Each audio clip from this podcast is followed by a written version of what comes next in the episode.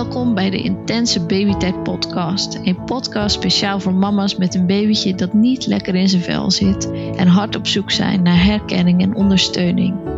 In deze serie interview ik experts en ervaringsdeskundigen. We praten over hoe jij jezelf staande kunt houden in deze intense tijd, over verschillende therapieën en oplossingen voor jou en je baby. We delen tips en ik hoop dat je herkenning en erkenning zult vinden in de verhalen, want jij en je baby doen ertoe.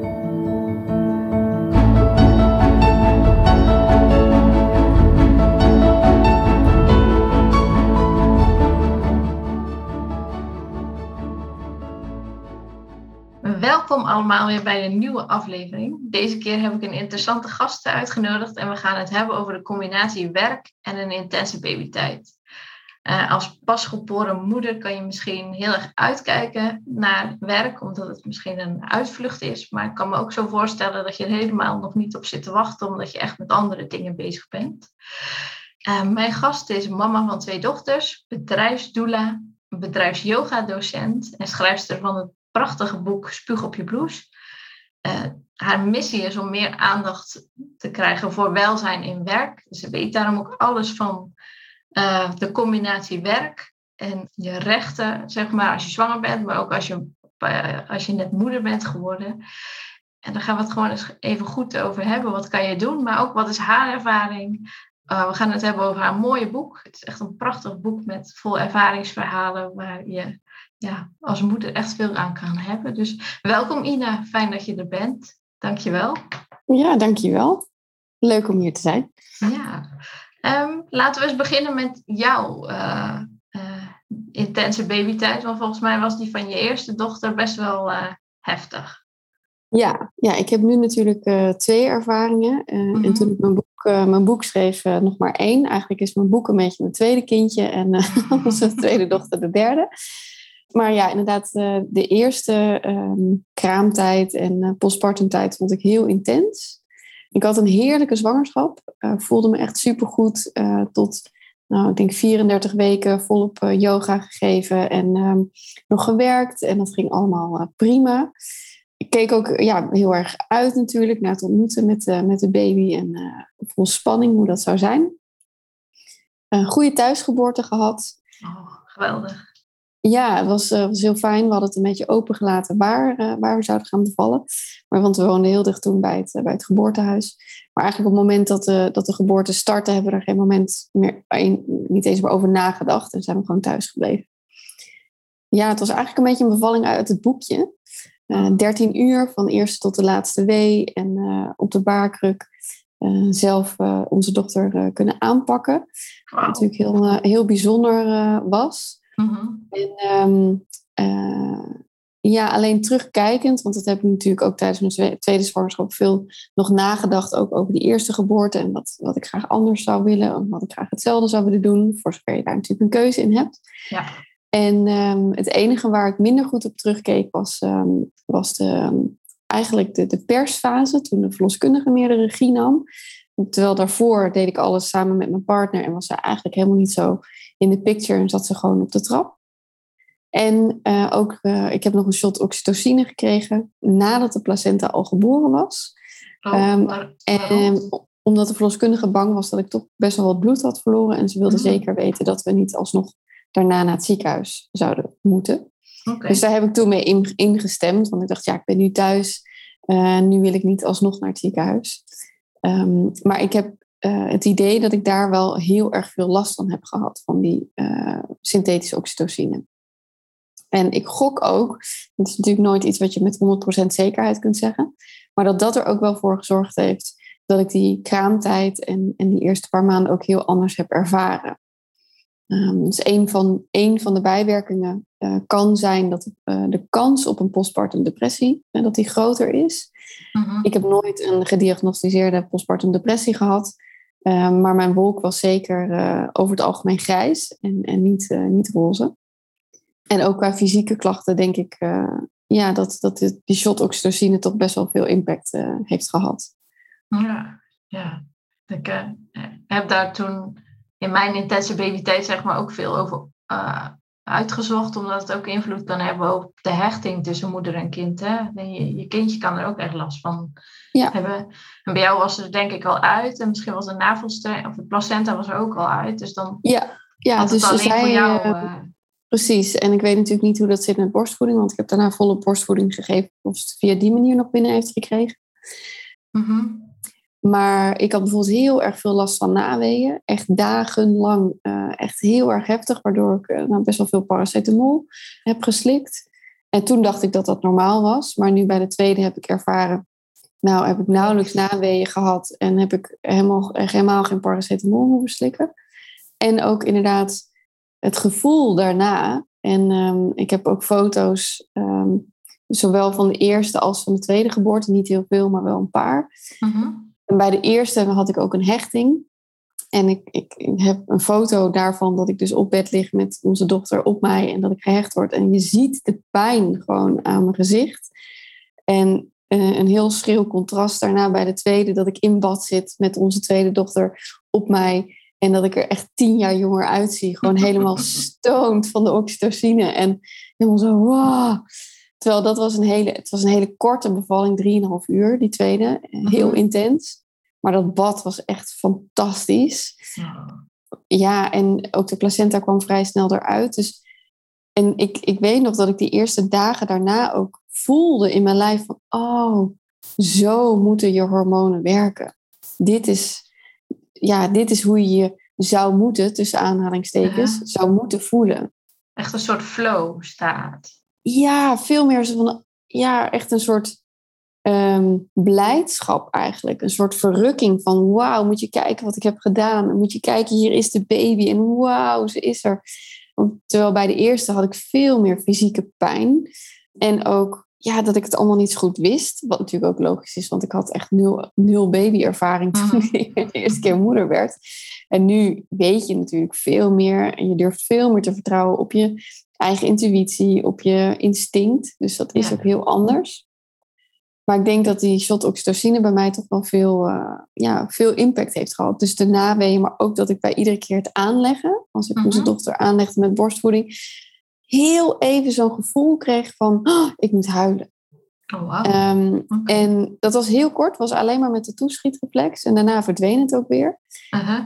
En ik heb dat later, heb ik dat ergens ook gevonden als bijwerking. Toen dacht ik, oh, dat wist ik dus helemaal niet. Eh, maar ik heb daar maanden, ik denk wel twee maanden, heb ik dat bij iedere voeding even dat moment gehad. Terwijl ik in de boekjes alleen maar last van, ja, als de toeschietreflexer is of als je borstvoeding geeft, krijg je eigenlijk weer zo'n nieuwe mhm. stroom met oxytocine, waardoor je juist weer goed gaat voelen. En dat had ik juist helemaal niet. En wat deed dat met je, dat je dat gevoel uh, kreeg? Nou, ik denk dat, dat ik wel ook aan mezelf daardoor twijfelde. Zo van, hé, maar dit, hoe, ik lees alleen maar dit en ik hoor alleen maar dat en ik ervaar het heel anders. En tegelijkertijd was het ook gelukkig maar heel kort. Het was echt alleen maar even die, die toeschietreflex en dan was het weer weg. Mhm. En pas ja, na een maand of drie of twee, drie, toen verdween het ook gelukkig. Maar ja, je hebt natuurlijk al zoveel voeding in die eerste twee maanden. Ja, ja, ja. constant bijna, toch? Ja. Constant, ja. Dus, ehm, dus dat vond ik, uh, ja, was fysiek ook heel erg intens. Plus de gebroken nachten natuurlijk. Ehm, en ik denk wat ik ook ehm, lastig vond, uh, maar dat zit denk ik ook een beetje in, uh, in wie ik ben, is dat ik ben heel erg van het plannen en het vooruitkijken. En uh, dan opeens heb je een baby en valt er niks meer te plannen. en um, ook dat je volledig dus ja, moet overgeven aan de grillen van een ander. Ehm, en dat vond ik denk ik ook heel erg lastig mentaal. Uh, in combinatie met slecht slapen, waarin dat sowieso al voor mijn flexibiliteit niet heel veel goed doet. Ehm, en die combinatie vond ik dan heel moeilijk. Ehm, en ja, dat ik me ook daarin denk ik wel alleen heb gevoeld in die periode. Ehm, dat ik niet zo goed wist van mm, ja, waar moet ik naartoe met al deze nieuwe ervaringen en gevoelens en gedachten en wat is normaal en wat hoort erbij en wat niet. Ja. Ehm, en dat is ook wel een van de drijfveren geweest om dat boek te schrijven. Dat ja, dat ik daarna, toen ik ook weer yogales ging geven, en dus met name zwangerschapsyogalessen en postpartum yogalessen, dat ik zoveel verhalen hoorde. En dat de rode draad daarin eigenlijk was dat iedereen zich alleen voelde. Mhm. dat al die vrouwen dachten van, oh ja, maar ik ben de enige met dit probleem. en ik hoorde iedere keer diezelfde verhalen. En ik had natuurlijk ook nog mijn eigen ervaring. Dus ik dacht, ja, maar we zijn helemaal niet alleen. Maar we zijn ook niet gemaakt om het alleen te doen. Dus dat is ook ja, iets wat ik heel erg hoop, is dat vrouwen elkaar, of niet alleen vrouwen, maar dat we elkaar gewoon meer gaan opzoeken. En dat je ook meer hulp mag vragen. Uh Mag ontvangen. Dat is ook letterlijk een hoofdstuktitel. Je hoeft het niet alleen te doen. En dat is iets wat ik wel ook echt heb geleerd van die eerste keer, wat ik heel anders heb gedaan met de tweede. Ik heb een postpartumplan bijvoorbeeld geschreven. Oké, en hoe zag dat er een beetje uit? Ja, wat uitgebreider was dan, dan mijn geboorteplan. In dat postpartumplan had ik bijvoorbeeld nagedacht over, nou sowieso de kraamweek, maar ook de, de periode daarna, eigenlijk de eerste 40 dagen. Hmm. Eh, dus wat heb ik nodig om mentaal en fysiek goed te kunnen herstellen? Wat heeft mijn partner daarin nodig? Hoe kunnen we onze oudste dochter daarin uh, ondersteunen? Um, en het, eigenlijk waren het een, een, aantal hele praktische dingen. Waar, uh, een goede vriendin van mij had een, um, uh, een meal train opgezet. Dus mensen kwamen ons heerlijk vers eten brengen een aantal keer per week. Dat is al zo'n zegen dat je partner, in mijn geval, mijn partner kookt eigenlijk altijd. uh, is ook een zegen. Maar dat hij dus niet hoefde te koken, waardoor hij ook weer wat langer zijn handen vrij had. Um, en dat je gewoon lekker eet, gezond eet.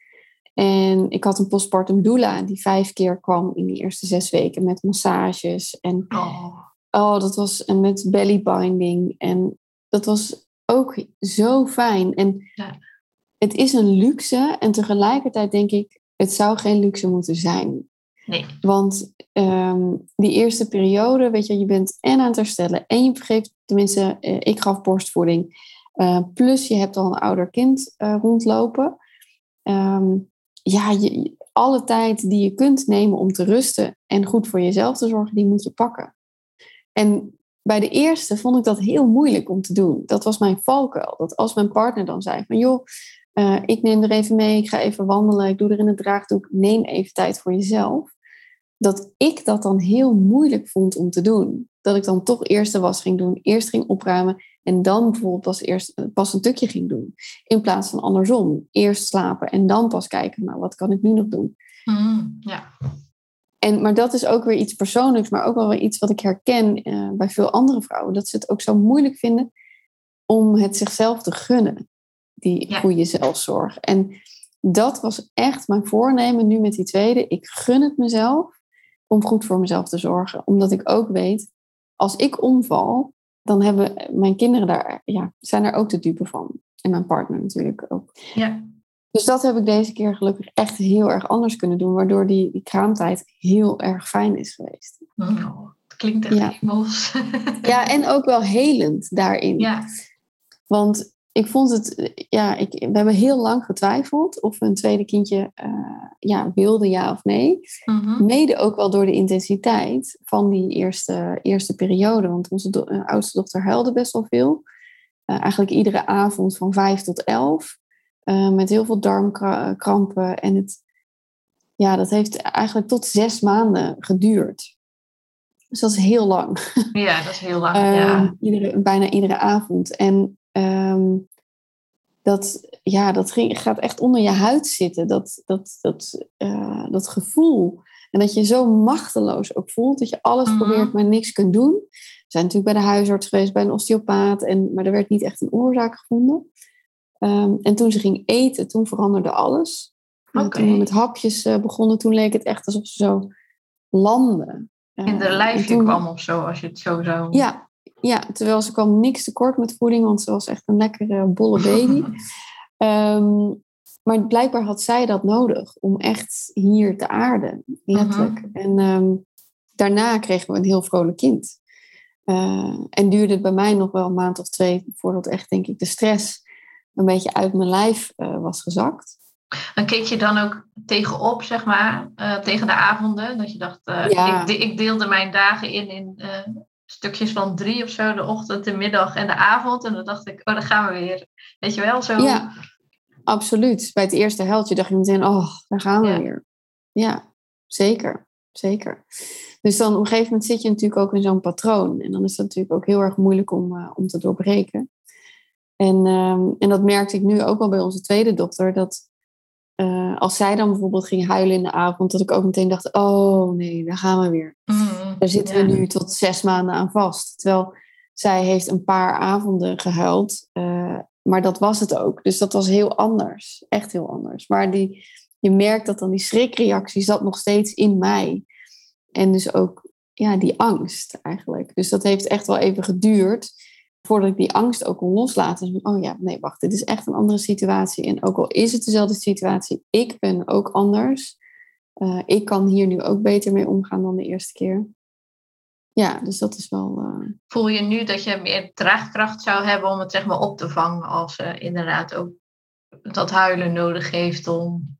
Ja, en ik denk dat er veel meer vertrouwen zit. Er zit veel Ja. meer vertrouwen van het is een fase. Mhm. Ik heb echt bij mijn, bij mijn eerste gedacht, ze is kapot. Eh, letterlijk. Eh, Van Mhm. er is iets mis en ik weet niet wat. En niemand, niemand komt erachter. En ja, gewoon echt het idee, dit gaat nooit meer over.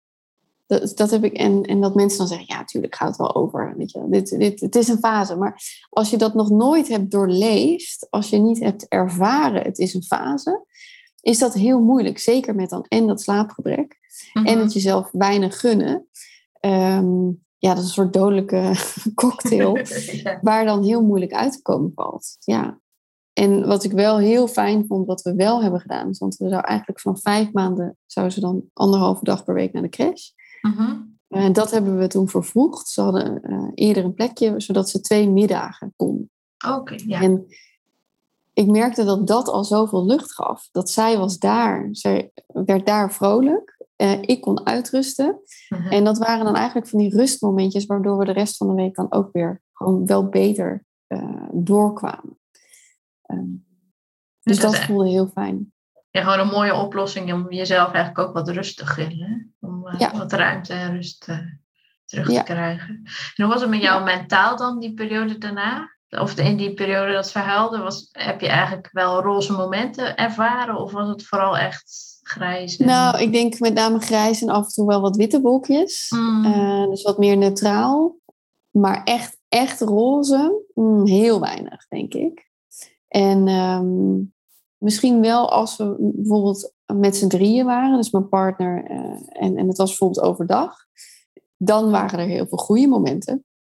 Maar die avonden en ook gewoon die eerste periode, ik weet nog dat ik echt jaloers was toen mijn partner weer ging werken. Die was drie weken vrij. Mhm. En ehm, ja, dat vond ik, ik was jaloers op hem. Terwijl ik wilde eigenlijk nog helemaal niet werken, maar ik wilde gewoon niet thuis zijn. Ja. En nu durf ik dat hardop te zeggen, omdat ik weet dat heel veel moeders dat zo ervaren. En als ze het niet ervaren, dan is het goed dat ze het horen, dat je dat mag denken. Mhm, Klopt. Maar toen voelde ik me daar ook heel schuldig over. Ik dacht, van, ja, maar ik wilde toch een kind en nou heb ik een kind en dan wil ik eigenlijk weg. Ja.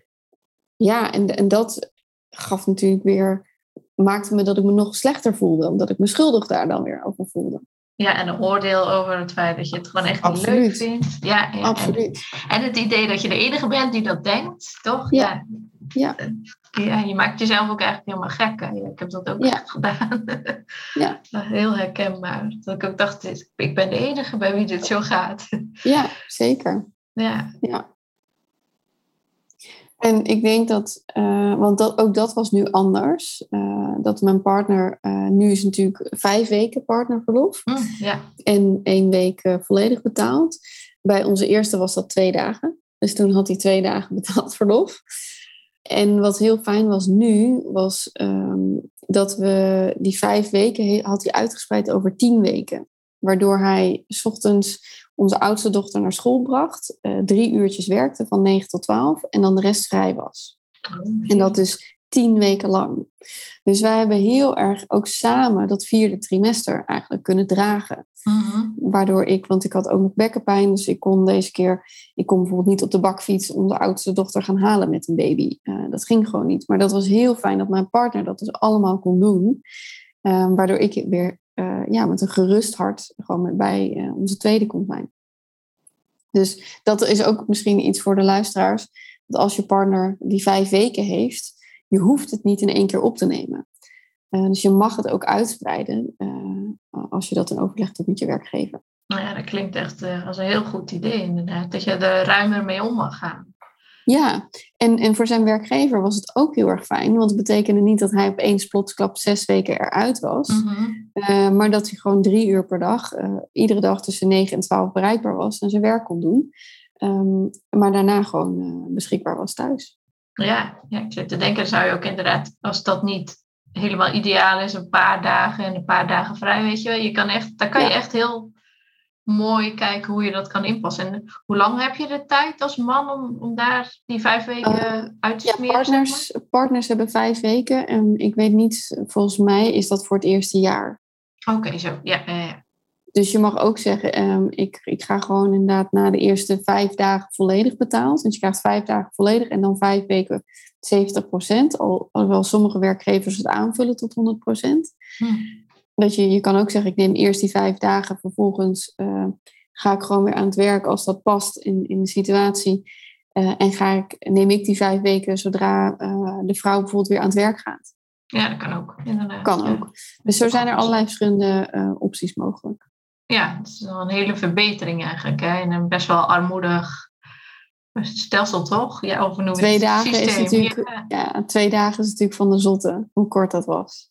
En hoe kijk je dan? Ja, bevallingen die langer duren. Ja. Ja, ja, dat is inderdaad zo. Ja. En zeker als het dan bij een eerste zoeken of bij een tweede misschien, ja. kan het ook wel eens hè, niet helemaal lekker lopen. Dat, dan heb je gewoon echt je rust en ruimte nodig om daar een draai in te vinden. Zeker. Want je kan zo'n kleine baby eigenlijk niet in ons uh, schema proppen. Hè? Dat gaat gewoon nee. echt niet. Nee. En hoe kijk je dan naar uh, het verlof van de vrouw? Want dat we hebben uh, 16 weken zeker? Ja, 16 weken is veel te kort. Ja, ja. punt. punt. Ja, het is veel te kort, ja. Um, ik, uit eigen ervaring, maar ook van wat ik bij zoveel vrouwen heb, heb gezien en gehoord, denk ik dat het minimaal zes maanden zou moeten zijn. Um, want er is zo'n groot verschil. Um, bijvoorbeeld met een baby van 10 weken en een baby van 20 weken. Mm -hmm. En ook hoe vrouwen zich over het algemeen voelen. Bij 10 weken, ik ken weinig mensen die bij 10 weken al uh, echt een ritme hebben. Uh, en een, een, uh, hele goede nachten hebben bijvoorbeeld. Of wat dan ook. Um, en bij uh, 20 weken, bij bijna, uh, als je kindje ongeveer 4, 5 maanden is, zo rond de 5 maanden, is het alweer heel anders. Mm, uh, en ook een kind van, van 20 weken is, kan al zoveel meer dan 10 weken. Dus ja, ik zou pleiten voor minimaal 6 maanden. Ja, ja. En misschien nog wel meer als het. Ja, als we en naar als het Scandinavische nodig is, landen kijken, toch? Tuurlijk, Ja. kijk, een jaar is natuurlijk ideaal. Of als je in ieder geval, stel dat je zou, eh, in mijn ideale scenario zou, zou het zo zijn dat je een jaar hebt. En als je eerder wil, dan mag dat. ja, tuurlijk. Ja, nee, daar ben ik het helemaal Ehm, mee eens. want Dus ik ken ook veel vrouwen die zeggen van ja, maar ik wil, nou ja, na een half jaar, nu ben ik er wel klaar mee. Maar ik ken maar weinig vrouwen die na 16 weken zeggen, nou, nu, ik wil echt nu weer volle bak. Ja. Daar zit altijd, eh, of bijna altijd, zit er een soort moeten achter. Mhm. Terwijl ik denk, bij een half jaar zit er veel meer willen. Eh, en als je kijkt ook op de langere termijn, is dat veel gezonder. Eh, want wat is nou tien weken extra op een mensenleven, op een werkend leven, is zo weinig. Maar ik denk dat je er zoveel toekomstige klachten mee voorkomt. En dat het misschien ook nog wel fijn is voor de hechting met je kind.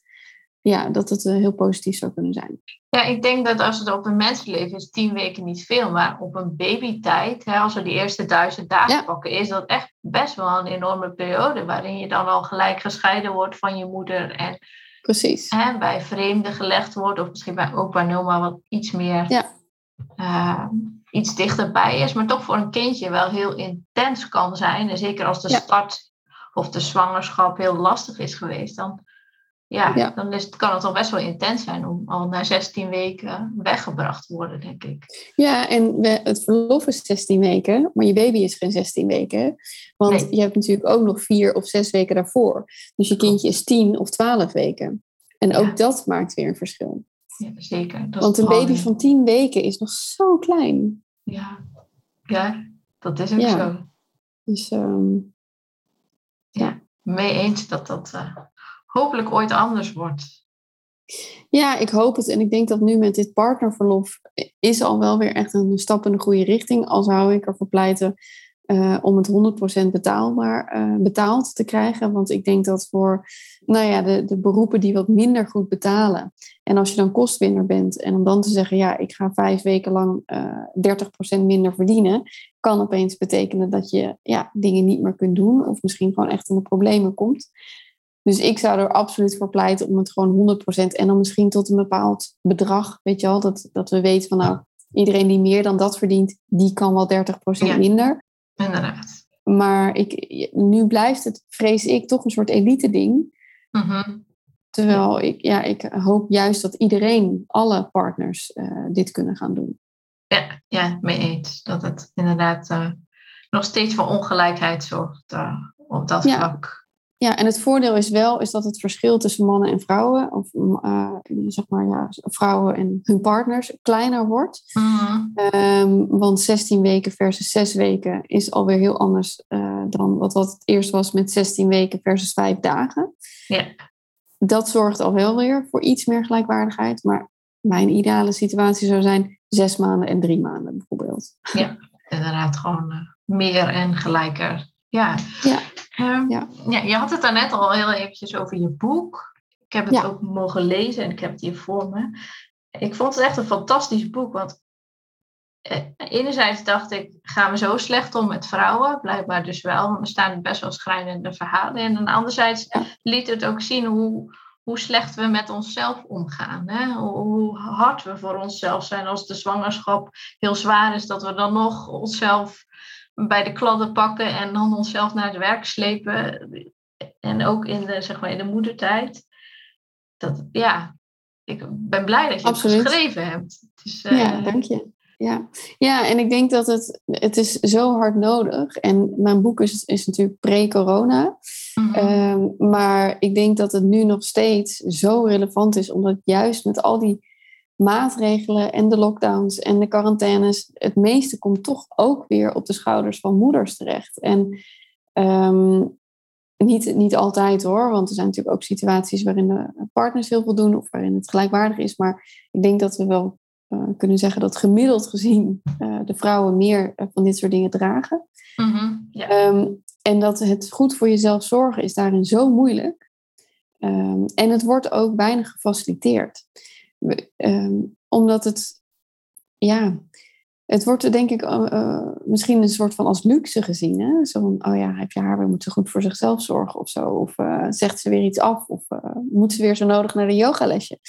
Maar ik denk dat het een soort van noodzakelijk is. Um, je hebt zoveel mensen die nu in een burn-out terechtkomen.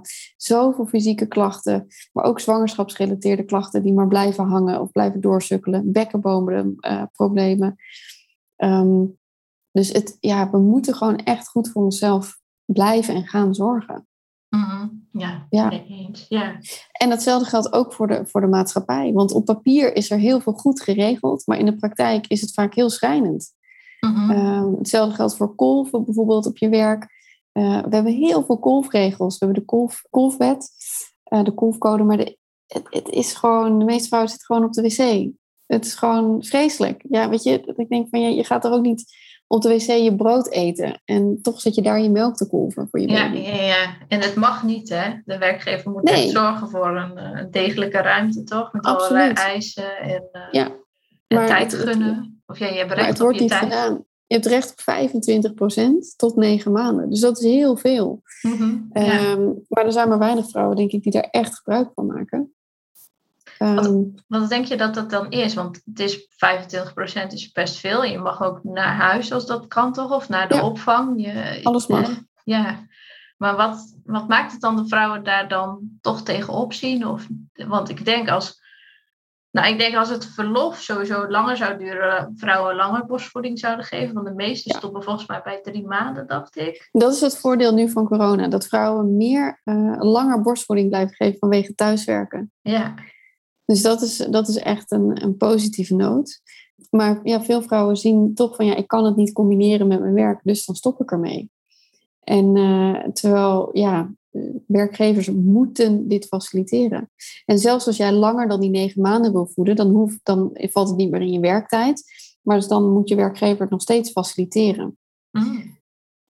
Maar als je kindje negen maanden is, dan hoef je vaak ook al veel minder uh, te kolven, omdat je kindje dan natuurlijk ook al eet. Ja, uh, dan hoef je niet meer iedere drie, vier uur te kolven, maar misschien één keer per dag of uh, begin en einde van je dag. Maar het, ja, het, het moet allemaal gefaciliteerd worden. Maar waarom vrouwen het vaak niet doen, is ze hebben het idee dat ze als zeur gezien worden. Of ze zijn bang dat het hun carrière schaadt. En dat is niet raar dat ze dat denken, want het is ook vaak zo. Uh, zwangerschapsdiscriminatie, dat uh, is ook een van de thema's in het boek. Um, ehm, 40% van de Nederlandse moeders krijgt daarmee te maken. Zo. 40%. Dus dat is ontzettend veel. En veel vrouwen hebben soms misschien niet eens door dat het ook de ervaring die zij hebben, dat het gewoon discriminatie is bonussen die niet worden toegekend, uh, promoties waarvoor, uh, die ze opeens niet meer krijgen als ze vertellen dat ze zwanger zijn. Hmm. Wat heel vaak gebeurt is dat contracten opeens niet verlengd worden. Ja. Uh, terwijl je altijd een goede beoordeling hebt gehad en dan opeens je vertelt dat je zwanger bent. En dan is van ja, jammer dan. contract niet verlengd. En ik snap, dus ik snap die angst. En die angst heeft ook wel een reden. Het is geen, ehm, ja, Ehm, angst die alleen maar in ons hoofd zit. het, is mhm. ook, het is ook waar. De consequenties zijn er echt, zeg maar. De consequenties zijn er echt. Dus in die zin snap ik het wel dat vrouwen niet heel hard op tafel gaan staan en zeggen: En nu wil ik gewoon een fatsoenlijke kolfruimte. Uh, als jij straks bijvoorbeeld nog uh, een promotie wil maken. Mhm. Eh, of überhaupt je baan wil behouden.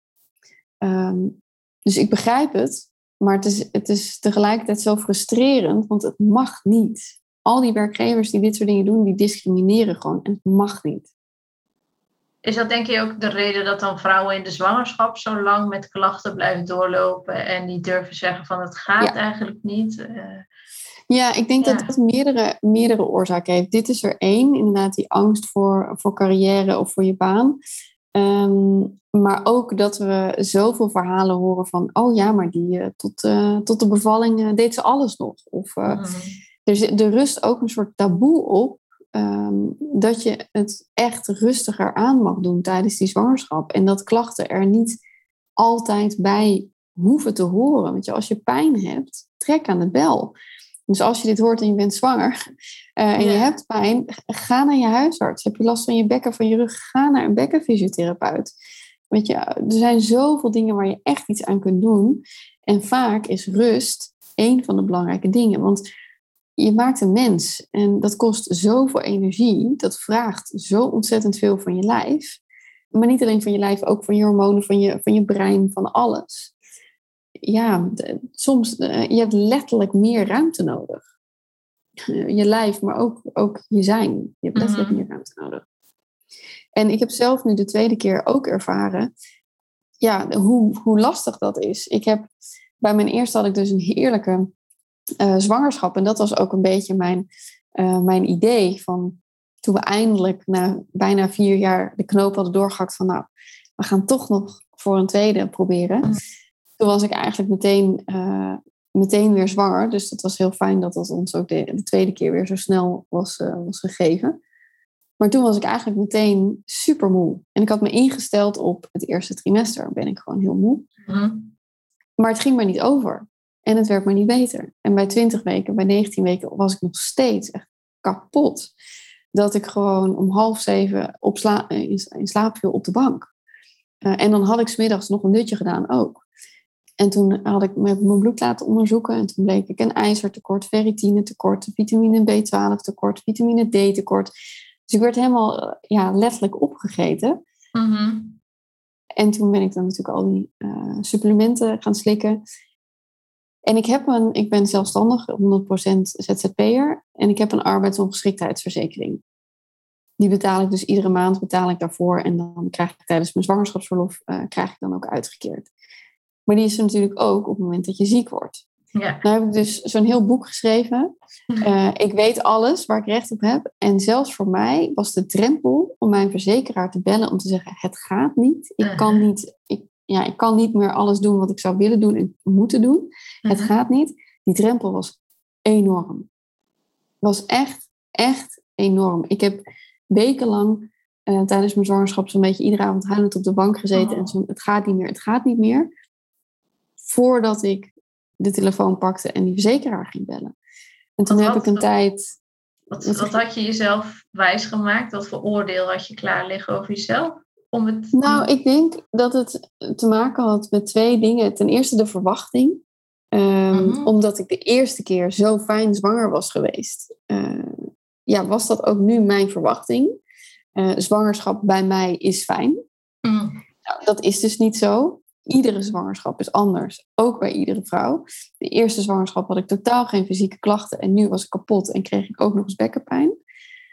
Dus, dus die, dat, die hele knop moest ik dus omzetten. Want iedere keer dacht ik, oh ja, maar het wordt wel beter. Het wordt wel beter.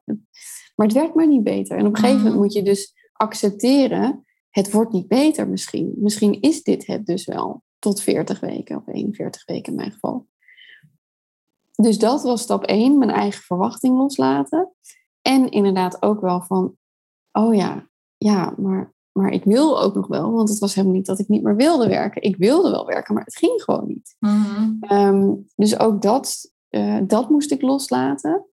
Plus dan inderdaad ook wel van, oh ja, maar nu ga ik opeens muziek melden.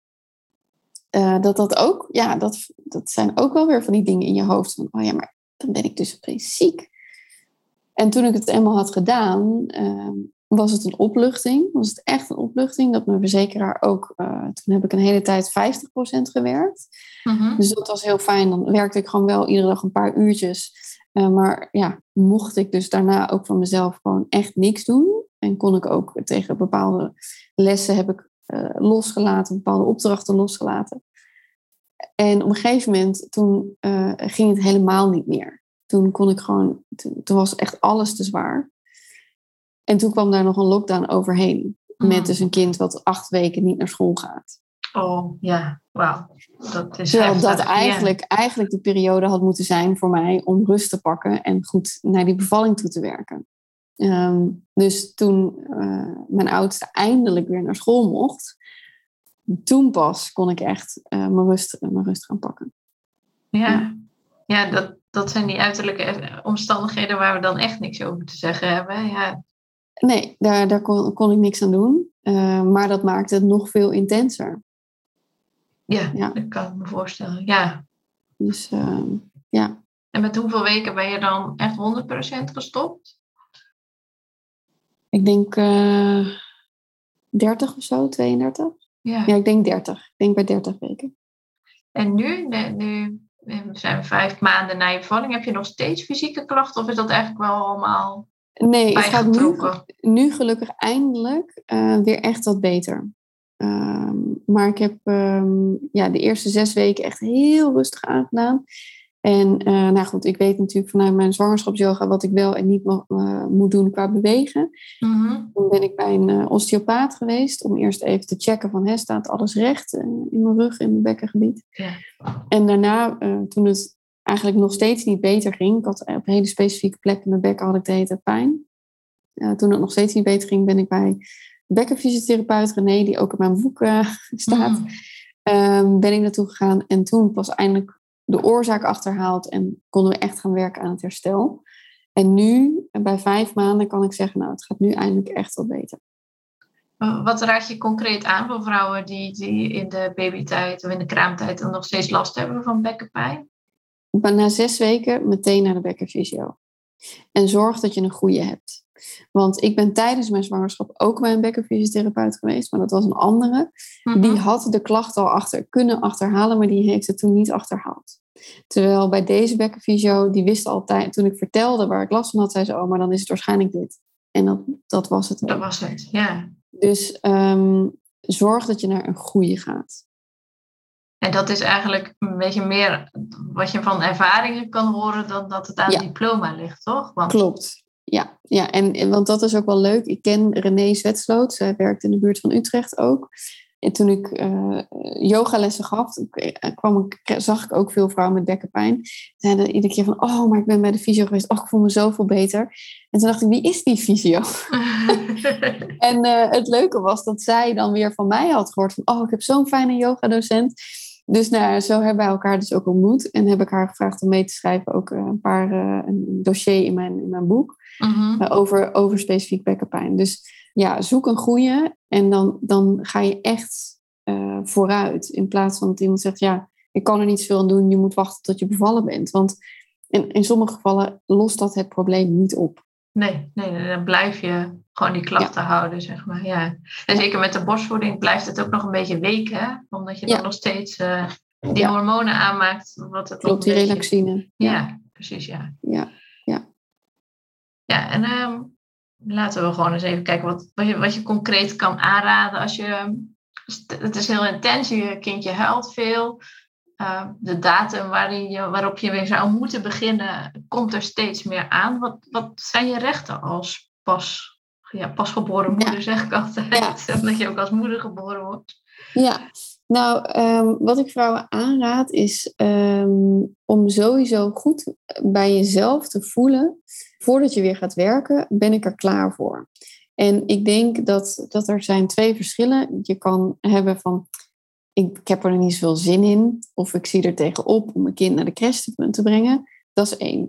Mm-hmm. Of als je zegt, ik ben kapot, ik heb nog pijn, ik voel me mentaal totaal uh, nog uh, een wrak. Ik kan eigenlijk nog niet werken. Dat zijn twee grote verschillen. Bij de eerste zou ik zeggen, kijk of je nog uh, wat ouderschapsverlof erachter aan kunt plakken. Of neem nog een weekje extra vakantie. Hè, zodat je misschien nog net even iets verder bent. Maar in die tweede situatie zou ik zeggen, meld je ziek. Want dan kun je niet werken. Mm-hmm. Um, dus er, er, zit een groot verschil van ik, ik heb er nog niet zoveel zin in of ik kan het niet. Um, en bij dat ik kan het niet, meld je ziek. Want dat is net zoiets als je je been zou breken, ga je ook geen vakantiedagen opnemen. Nee. Dan zeg je ook, ik kan niet werken. Nee, nou goed, dan heb je dus recht op een uitkering. En in dit geval heb je dan recht op een uitkering ziekte wegens zwangerschap. En het is ook in het voordeel van je werkgever als je aansluitend aan je zwangerschapsverlof ziek meldt. Want dan betaalt het UWV door omdat het vanwege je zwangerschap is. Stel, jij sleept je toch naar je werk en je gaat werken en na twee weken val je uit, dan betaalt je werkgever. Okay, dus ja. dat is een belangrijk om te weten. Dat kan dus een win-win zijn, ook voor je werkgever. Om te ja. zeggen, ik ben er nog niet klaar voor. En dat is een enorme drempel, een enorm obstakel voor heel veel vrouwen. Maar wat ik zie en wat ik ook heb ervaren, is dat een paar weken extra kunnen alweer een wereld van verschil maken. Dus het is niet zo dat als je je nu ziek meldt, dat je meteen een jaar eruit ligt. Uh, je kunt je ziek melden uh, en dat je dan uh, drie weken lang of drie weken extra verlof krijgt, of ziekte eigenlijk krijgt, en dan rustig gaat opbouwen.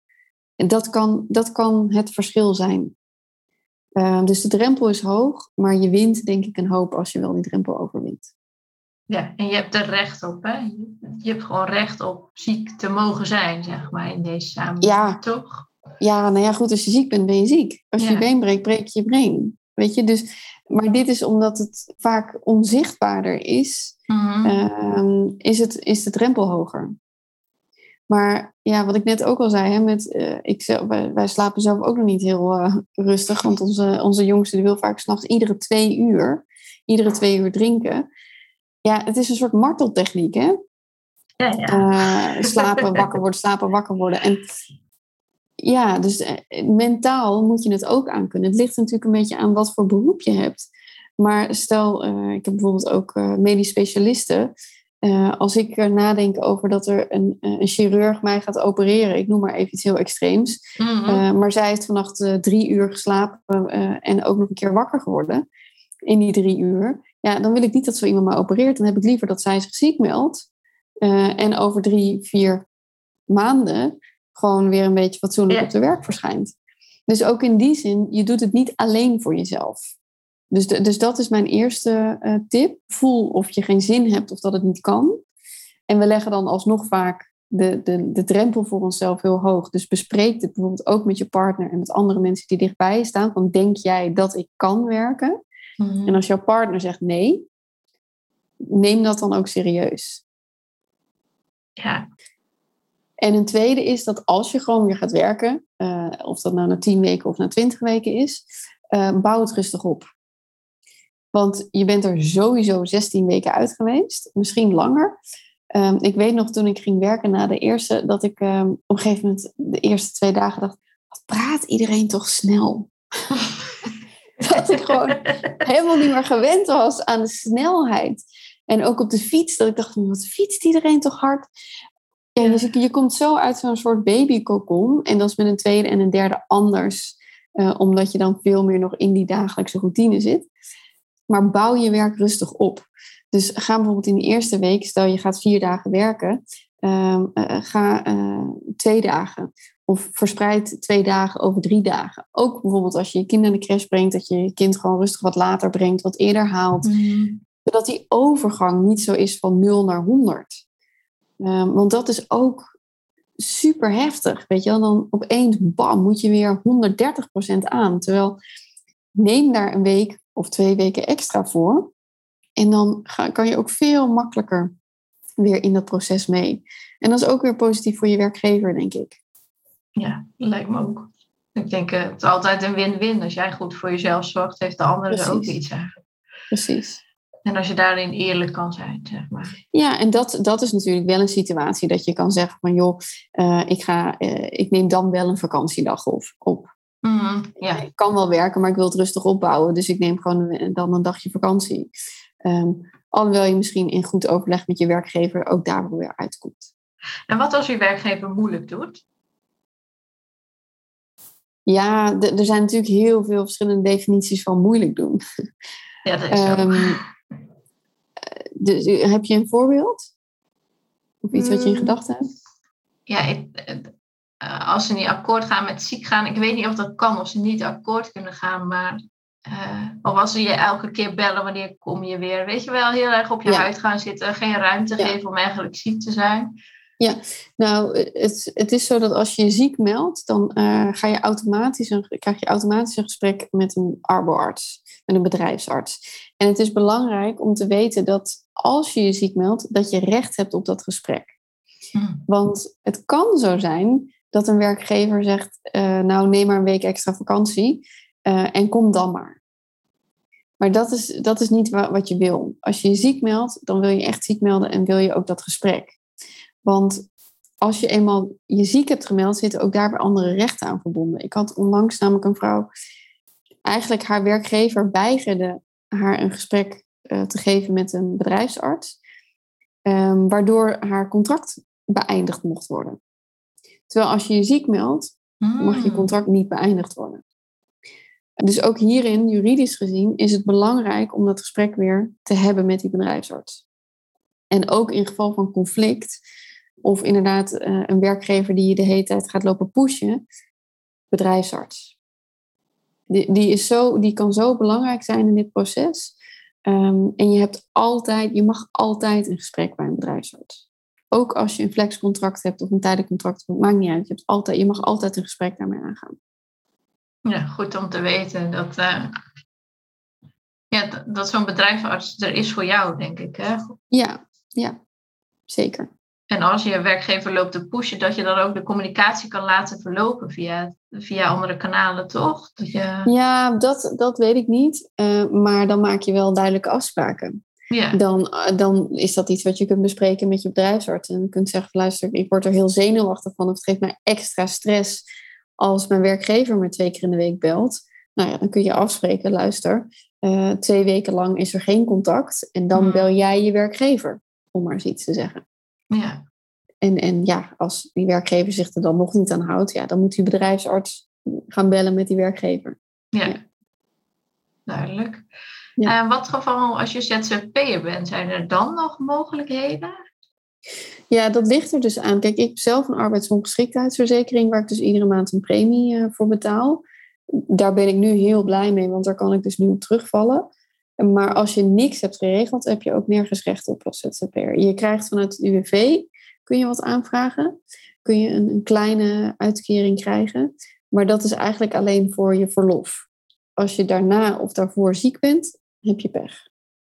Ja, dus dat is eigenlijk heel goed nadenken wat, wat het risico kan zijn als je zwanger wil worden of bent, zeg maar. Uh, ja, en, als je zwanger bent en je wil zo'n verzekering afsluiten, dan is het laat. Ja. ja. Ja, dus je moet dat eigenlijk al voor je zwangerschapswens uh, moet je dat afsluiten. Want vaak hebben ze ook een wachttijd van 1, 2 of soms zelfs drie jaar. Dat je dus al drie jaar de premie moet betalen en dan pas zwanger mag, tussen aanhalingstekens, ja, mag worden.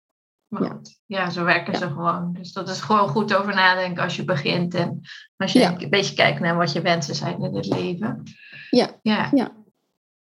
Um, ja, we hebben het al even over borstvoeding gehad. Maar kun je daar nog eens heel kort zeggen wat je rechten zijn? Ja, je hebt, uh, als je terugkomt van je verlof, heb je totdat je baby negen maanden is, heb je een kwart van je werktijd mag je besteden aan voeden. En dat betekent dat je baby bij jou mag komen. Dus stel uh, je werkt naast de crash of je werkt uh, aan huis, um, dan, dan mag je dus gewoon je baby live voeden of kolven. Dat betekent ook, je mag in samenspraak met je werkgever ook bepalen hoe je die uren invult. Dus als het voor jou beter uitkomt om bijvoorbeeld later te beginnen en eerder weg te gaan, en dat, dat kan op je werk, dan mag dat dus ook. Als het maar niet meer dan dat kwart, die kwart van je werktijd is. En dat is dus veel, hè? want als je een achtuurige werkdag hebt, is dat twee uur. Mm ja. Dus dat betekent een uur later beginnen, een uur eerder naar huis. En dat mag. Dat is gewoon wettelijk. Um, en wat heel veel vrouwen vinden dat dan ook weer lastig om die tijd uh, daarvoor te nemen. Maar besef je wel, je hebt gewoon een baan naast je baan. Want borstvoeding geven, je, je bouwt nog steeds een mens. Mm. Uh, dat kost heel veel energie. Dus daar mag je ook echt tijd voor claimen en voor, en voor krijgen. Ja. Ja, dus Dat, dat is qua tijd. En dus na die negen maanden, als je kindje negen maanden is, dan moet je werkgever het nog wel faciliteren, maar doe je het wel in je eigen tijd. Um, en uh, de ruimte, daar zijn dus ook uh, ja, afspraken over gemaakt. Het moet een afsluitbare ruimte zijn met privacy, frisse lucht. Er moet een, een bed of een bank staan waar je gewoon rustig kunt zitten. De ruimte moet prettig verwarmd zijn. Nou, dat zijn in ieder geval de, de verplichtingen. Um, en idealiter zit er ook nog een koelkastje en stromend water, zodat je ook je kolf kunt, kunt wassen en daarna de melk kunt wegzetten. Maar dat is niet verplicht. De rest is wel verplicht. Oké, ja. Dus geen bijhok of een wc-hok of nee, en, vergaderruimte. Voor sommige werkgevers is het natuurlijk ook uh, heel moeilijk om zoiets te doen. Maar geef het dan aan tijdens je zwangerschap. Want als jij terugkomt van je verlof en je staat opeens van ja, waar is de kolfruimte? Ja, dan is het niet te fixen in een dag. Maar als jij bij 20 weken zwangerschap zegt van hé, hey, als ik terugkom, wil ik graag kolven. Ja, dan heeft zo'n werkgever uh, zes maanden de tijd om iets te fixen. Nee. Dus uh, ook daarin, doe het samen. Ga het gesprek aan en doe het samen. Ja. Heb je nog andere concrete tips? Je zegt al, ga het gesprek aan. Ik denk dat dat een hele belangrijke is. Ja, en ik denk dus ook, wat ik vrouwen aanrijd tijdens de zwangerschap, is, is ga, blijf dat gesprek inderdaad hebben met je werkgever. Dus uh, plan bijvoorbeeld iedere twee weken met je manager een kopje koffie. En als, je, als het niet hoeft, dan doe je het niet. Maar om gewoon even bij te praten van hoe gaat het met je? Hoe voel je je? Uh, hoe was de echo, om maar iets te noemen? Uh, hoe slaap je? Om het even niet over werk te hebben, maar gewoon even hoe kun jij het werk nog aan? Moet er iets worden aangepast? Want uit onderzoek blijkt dat echt schrikbarend veel vrouwen na de 20 weken nog steeds uh, eigenlijk risicovol werk blijven doen. Dat betekent te veel staan, te veel tillen, noem het allemaal maar op. En mijn uh, ervaring is, als je op tijd twee stappen terugneemt, kun je straks ook weer, uh, of eigenlijk één stapje terug, kun je straks weer twee stappen vooruit. In plaats van dat je niks doet en helemaal uitvalt. En dat is ook weer niet in, in het, uh, ja, het voordeel van je werkgever. Dus wees eerlijk, ga dat gesprek aan. En denk ook alvast na inderdaad van hoe wil je dat doen als je terugkomt. Heb je de intentie om borstvoeding te geven? Zorg dat er een kolfruimte is. Bouw je werk rustig weer op ja, dus dat zijn een beetje de belangrijkste tips. Hmm, ja, en dan nog een vraagje over, ja, wat doe jij als bedrijfsdoula? Je hoort natuurlijk veel over de doula die bij de bevalling is, maar de bedrijfsdoula is wel een uniek iets. Ja, ik heb het zelf bedacht, dus het is zeker uniek. um, nou ja, eigenlijk dit soort dingen. Kijk, de laatste dingen die, hè, het laatste stuk van ons gesprek waar we het over hebben. Um, heel veel vrouwen weten het niet. En als ze het wel weten, dan weten ze het niet zo goed hoe ze, hoe ze het moeten krijgen of hoe ze het bespreekbaar moeten maken. En dat zijn dan de dingen waar ik vrouwen bij kan, uh, kan ondersteunen en bij kan, kan begeleiden. Dus je kan met ze meedenken in hun unieke situatie. Uh, wat heb je nodig? Waar heb je recht op? En hoe kun je dat vervolgens het beste voor jezelf regelen? En ja, daar adviseer en ondersteun ik bij. Ja, prachtig. Echt uh, ja. heel mooi. Ja. En, ja, en dus eigenlijk ook verschrikkelijk dat het nodig is. Maar, ja, ja, het is heel hard nodig. En vanuit mijn yoga-achtergrond weet ik natuurlijk ook het nodig over het fysieke deel. Dus ik kan vrouwen inderdaad ook gewoon oefeningen meegeven. Maar om een heel simpel voorbeeld te geven, ik had een vrouw in mijn les en zij had enorme polsklachten. Gewoon omdat ze veel achter de laptop zat. En, uh, en toen vertelde ik haar van dat je ook tijdens je zwangerschap al recht hebt op uh, een achtste van je werkdag pauze. Dus je mag gewoon extra rust nemen tijdens je zwangerschap. En ik zei van, wat als je nou tegen je werkgever, dit met je werkgever bespreekt en je neemt twee keer per dag een half uurtje rust. En dat had ze gedaan. En ze kwam een week later en ze zei, al mijn polsklachten zijn verdwenen. Ja. Dus dat soort dingen kan ik dus gewoon even met je meedenken. Mhm. Ehm, en dan, dan kunnen dingen alweer veel minder. Terwijl die vrouw eigenlijk dacht, ik moet stoppen met werken, want ik heb zo'n pijn. Dus ook dit, het is weer vaak het voordeel van, ook van de werkgever om zo lang mogelijk uh, goed en ja, duurzaam te kunnen blijven werken. Ja. Zonder dat het ten koste gaat van jezelf. Ja, dat is het belangrijkste. Maar eigenlijk doe je je werkgever er ook een groot plezier mee. Want er is vaak meer mogelijk dan dat je zelf. Uh... Ja, dat denk ik wel. Ja. Ja, en het is ook weer, want vaak vinden vrouwen het moeilijk om dat hè, voor zichzelf te vragen. Mm. Maar als je het moeilijk vindt, bedenk dan dat als jij goed voor jezelf zorgt, je ook goed voor je baby zorgt. Ja, ja dat klopt. En dan opeens denk ik van, oh ja, oh ja, ik moet goed voor mijn baby zorgen. Laat ja. ik het dan maar doen. Ja. Als jij uitvalt, dan heeft je baby er echt helemaal niks aan. Dat is, nee, want dan ben je al lang je grens over. Ja. En dat is niet goed voor je baby. Kijk, dat jij niet meer werkt, daar, daar merkt de baby waarschijnlijk niet zoveel van. Maar het feit dat jij je grenzen over bent gegaan, dat is natuurlijk heel slecht voor je. Ja, ja absoluut. daarom. En, uh, ja. Ja.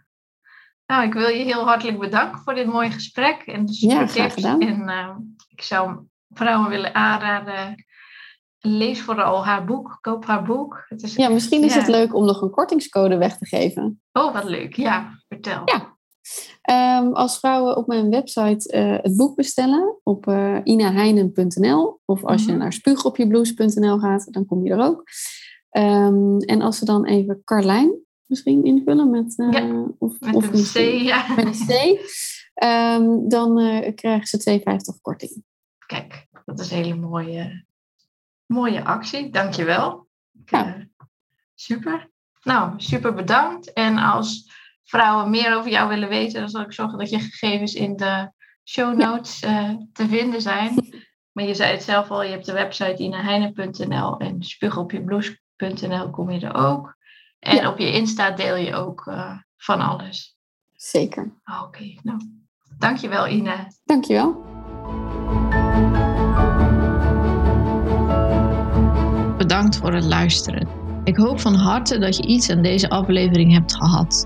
Laat me vooral weten hoe het je heeft geholpen in deze intense tijd. Was de aflevering waardevol voor jou en denk je dat andere mama's er ook iets aan gaan hebben? Waardeer ik het enorm als je je abonneert op de podcast in iTunes, Spotify of Google Podcasts. Luister je nou deze podcast via de app van Apple? Laat dan alsjeblieft ook een review achter. Daarmee help je mij om nog meer nieuwe mama's te bereiken.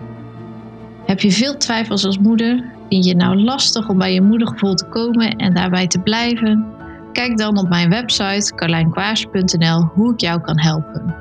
Voor nu heel erg bedankt voor het luisteren en tot de volgende aflevering.